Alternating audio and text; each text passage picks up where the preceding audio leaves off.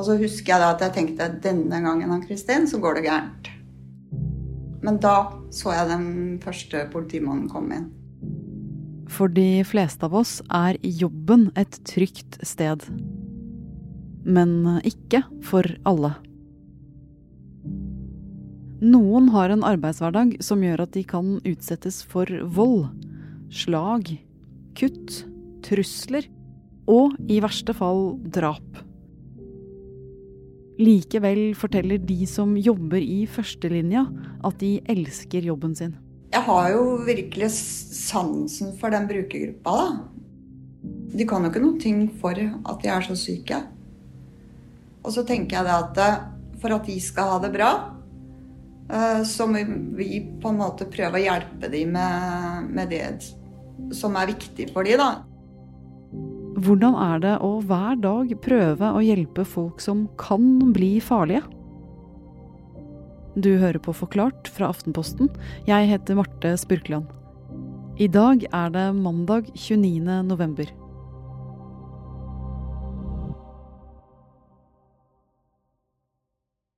Vi eh, bestemte oss for å se nærmere på de farlige yrkene etter dette Nav-drapet i Bergen i september i år. Dette drapet, som Robert Veiåker Johansen i A-magasinet snakker om, var det andre drapet Nav opplevde på åtte år. For litt over to måneder siden, 20.9, gikk en mann til angrep med kniv under et møte på et Nav-kontor i Bergen. En kvinnelig Nav-ansatt ble skadet, og en annen drept. Og i 2013, på Nav Grorud i Oslo, ble en saksbehandler knivstukket av en av klientene sine. Også hun døde. Etter hvert så, så vi i statistikken at, eh, at, veldig mange norske arbeidstakere utsettes for vold eller trusler i eh, jobben sin. Uh, her har vi helt vanlige folk som, som, går på jobb. Kanskje har de levert i barnehagen, kanskje har de matpakken i sekken. De møter hyggelige kollegaer på jobb og i neste, neste øyeblikk er de i livsfare. Og det var såpass urovekkende at det fikk vi lyst til å se mer på. I 2019 gjorde Statens arbeidsmiljøinstitutt en undersøkelse som avdekket at 7,1% av alle arbeidstakere i Norge, altså 187 000 personer, hadde blitt utsatt for trusler eller vold, eller begge deler, på arbeidsplassen.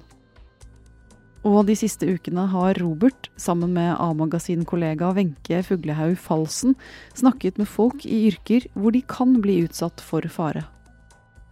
Kollega Wenche og jeg har, har, møtt folk fra den uh, såkalte førstelinja, der sjansen for å bli utsatt for vold eller trusler er temmelig stor. Uh, vi har møtt uh, en miljøarbeider, en ambulansearbeider, en psykologspesialist. Og selv tilbrakte jeg nesten en hel dag sammen med Nav-ansatte Ann Kristin Østreng. Sånn. Hvor, hvor, lenge har du jobba i Nav? Jeg begynte å jobbe i sosialtjenesten i 2007. Høsten 2007. Mm. Nav er jo så mye. Nav er jo deg og meg og naboen vår og alle. Men, men Ann-Kristin jobber med en uh, gruppe brukere som har ekstra behov, og som det også er knytta ekstra utfordringer til. Og dette er viktig å understreke. Det er jo ikke sånn at alle Nav-klienter er potensielt farlige. Bare et bitte lite fåtall utgjør en risiko. Og noen av dem møter Ann-Kristin i sin jobbhverdag.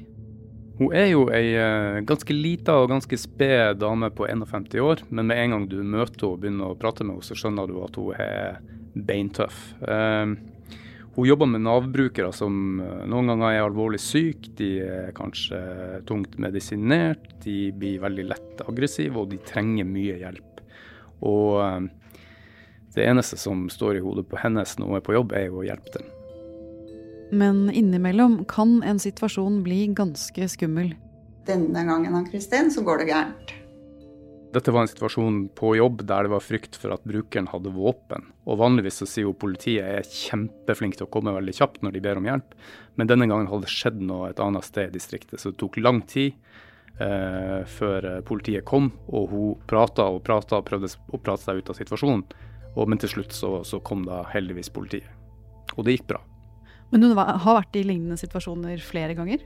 Ja, hun har vært i, eh, hun har vært i mange situasjoner, og hun har blitt kalt det aller meste. Og hun har eh, hatt voksne, sterke, store menn som har stått helt opp i ansiktet på henne og ropt til henne. Når jeg valgte å jobbe med denne brukergruppa, så som jeg tåler litt Jeg må tåle at de skriker til meg og kaller meg en del stygge ting. Hva kaller du det? Det kan jo være alt fra hore til fitte til Ikke sant. Ja.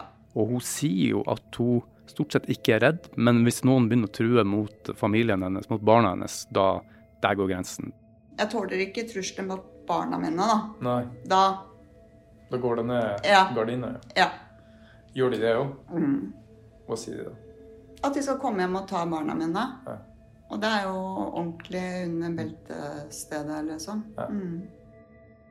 Når det er jobbhverdagen, Robert, så tøffe trusler mot deg og de du er aller mest glad i, hvordan går man inn i det hver dag? Det gjør jo at du blir eh, veldig våken og årvåken, og at du hele tida er forberedt på at alt kan skje. Og da la jeg merke til at det lå en kjøttkniv på kjøkkenbenken.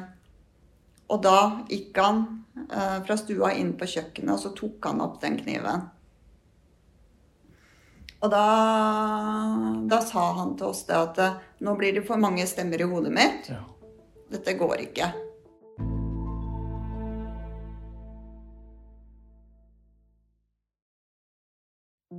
Jeg tror det at eh, hvis, hvis du jobber med den brukergruppa her, og du er redd,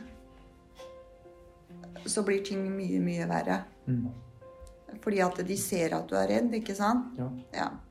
Robert, hvilke forholdsregler tar Ann-Kristin når hun møter klienter som kan være farlige? Det er jo mye. Uh, hun tenker jo bestandig sikkerhet først, uh, heldigvis. Um, fordi at hun aldri vet hva som kan skje. Eh, hvis, det kommer, eh, hvis det kommer brukere inn som det er grunn til å være ekstra oppmerksom på, så er det jo eh, ganske nøye sikkerhetssystemer i, i sving, og da er som regel også politiet involvert.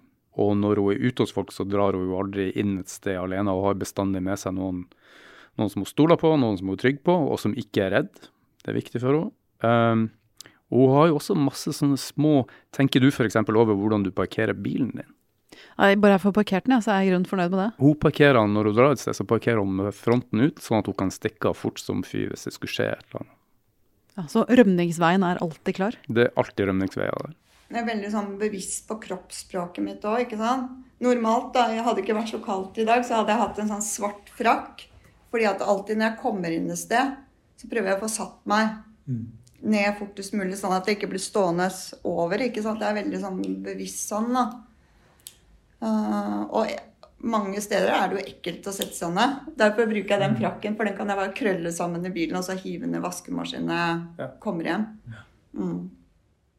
Hun og kollegaen var jo hos en bruker som tok fram en kniv når stemmene inni hodet hans ble for høye, eller stemmene deres kanskje ble for høye. Eh, hvordan gikk den situasjonen? Ja, de, eh, det var jo, hørtes også veldig skummelt ut. De snakka rett og slett i munnen på hverandre, de to. Og da syntes denne brukeren at det ble for mye lyd i hodet hans. Så, eh, og så gikk han til kjøkkenet og så tok han rett og slett opp en kniv som lå på benken. Uh, og da røyste de seg, da beklaga de, da trakk de seg ut så fort de kunne. Og det skjedde ikke noe mer enn det, men, men det er jo en ekkel situasjon å være i. Tallene fra Statens arbeidsmiljøinstitutt viser også at det er en kjønnsforskjell på hvem som oftest utsettes for vold og trusler på jobb. Over 18% av kvinnelige arbeidstakere har opplevd dette, og rett over 6% av menn. Blant de mest utsatte yrkene er sosialarbeidere, som Ann-Kristin, og vernepleiere, pleie- og omsorgsarbeidere, politi og vaktpersonell. Og Robert, da dere jobbet med denne saken for A-magasinet, så møtte dere også en ambulansemedarbeider, en miljøarbeider og en psykolog. Hva slags situasjoner kom de opp i? Uff, det er så, det er så mye, og eh, det er sannsynligvis så mange sånne lignende historier rundt omkring i Norge. Men, men en av dem fortalte oss en historie om uh, hun var ute og kjørte i 80-sonen med en ung mann ved siden av seg, og plutselig så kasta denne mannen seg over henne. um, vrei, og, og vrei rattet samtidig og prøvde å presse bilen ut av veien. Eh, samme, samme, person har fortsatt en skade i skulderen etter en voldsepisode og var utsatt for for eh, fem-seks år siden. Eh, en annen er blitt eh, drapstrua tre ganger, blitt forfulgt på gata over, over lengre tid. Eh, en tredje ble nesten knivstukket, blitt spytta på, slått og sparka. Det er sånne historier overalt. Er det mulig å ha denne type yrker uten å bli utsatt for trusler og vold, tror du? Jeg skulle ønske det, og det er jo helt sikkert et politisk mål om å få det til. Uh, men jobber du som vernepleier, sosialarbeider, pleie- og omsorgsarbeider eller, eller, politi, så er sjansen veldig, veldig stor for at du blir utsatt for det. Hva kan arbeidsplassene gjøre da, sånn som Nav, som Ann-Kristin jobber i, for å prøve å hindre at farlige situasjoner oppstår? Ja, uh, Ann-Kristin var jo veldig tydelig på det. og Hun, hun jobba jo i Nav allerede i en tid der folk som ville snakke med henne, måtte stå i det og hun omtales som et slags bur sant, med glass og, og, og, luker og vinduer og sånt. Eh, Nav Lillestrøm fikk sjansen til å bygge seg om på nytt, og har, har bygd et sted som er mye mer sånn verdig og hyggelig. Et sted der du føler deg, du skal føle deg velkommen når du, når du kommer. Som om du går til frisøren eller du går til tannlegen din. Eh, så det mener hun har hjulpet veldig, veldig mye. Ann-Kristin mener også at hjemmebesøk er et godt tiltak for å redusere risiko. Fordi hjemme hos seg selv er folk ofte tryggere enn ute på et stort kontor. Og utrygghet kan trigge sinne og farlige situasjoner. En annen ting som hjelper for de som møter risiko på jobb, er å dra på treningscamp. Ja, det er jo kjempeinteressant. Vi har jo vært med på det òg. Der, der, eh, mennesker med utsatte jobber rett og slett trenes i, eh, i å komme seg ut av situasjoner. Eh, prate seg ut av situasjoner, selvfølgelig. Eh, men, også komme seg ut av røffe halsgrep, eller, eller, bruke en snudd stol som det eneste våpenet du har mot, mot en trukket kniv. Så det var fascinerende.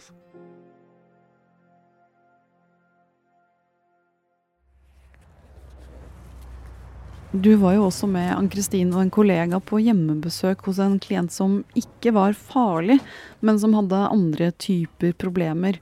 Eh, fortell om det. Vi var hjemme hos en eh, ung mann med psykiske helseutfordringer.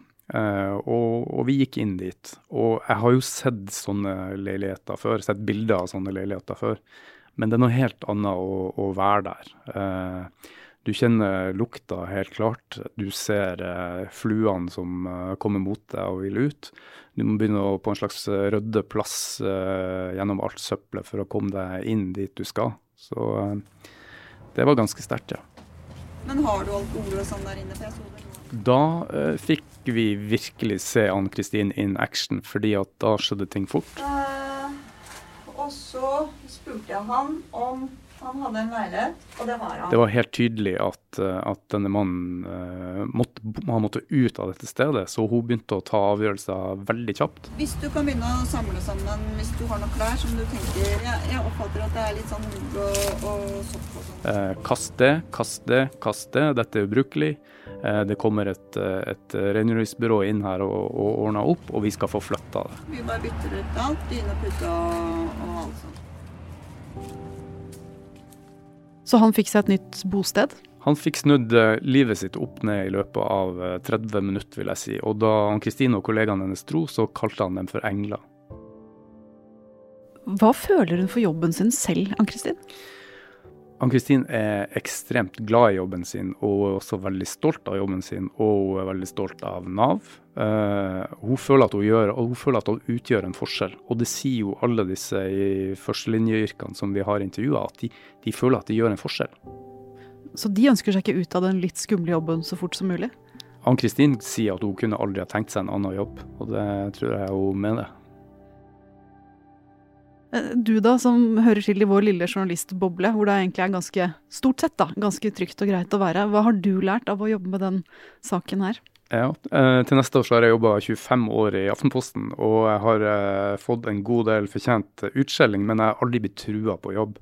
Så etter å ha vært ute på noe sånt så det her, så man, man blir jo litt sånn ja, eh, først og fremst takknemlig for å kunne vende tilbake til min egen trygge, fine arbeidsplass. Men så blir man jo også ganske ydmyk i forhold til alle disse som er ute og gjør, og gjør disse jobbene for oss i og for samfunnet vårt.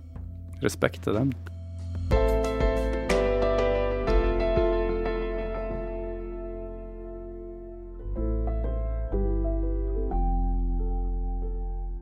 I denne episoden har du hørt Robert Veiåker Johansen fortelle om farlige yrker.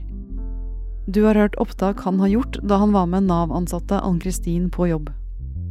Vi som har laget dagens Forklart, er Fride Næss Nonstad, Thea Wold Lyster, David Vekoni og jeg, Marte Spurkland. Resten av redaksjonen er Synne Søhol, Anne Lindholm og Guri Leiel Skedsmo.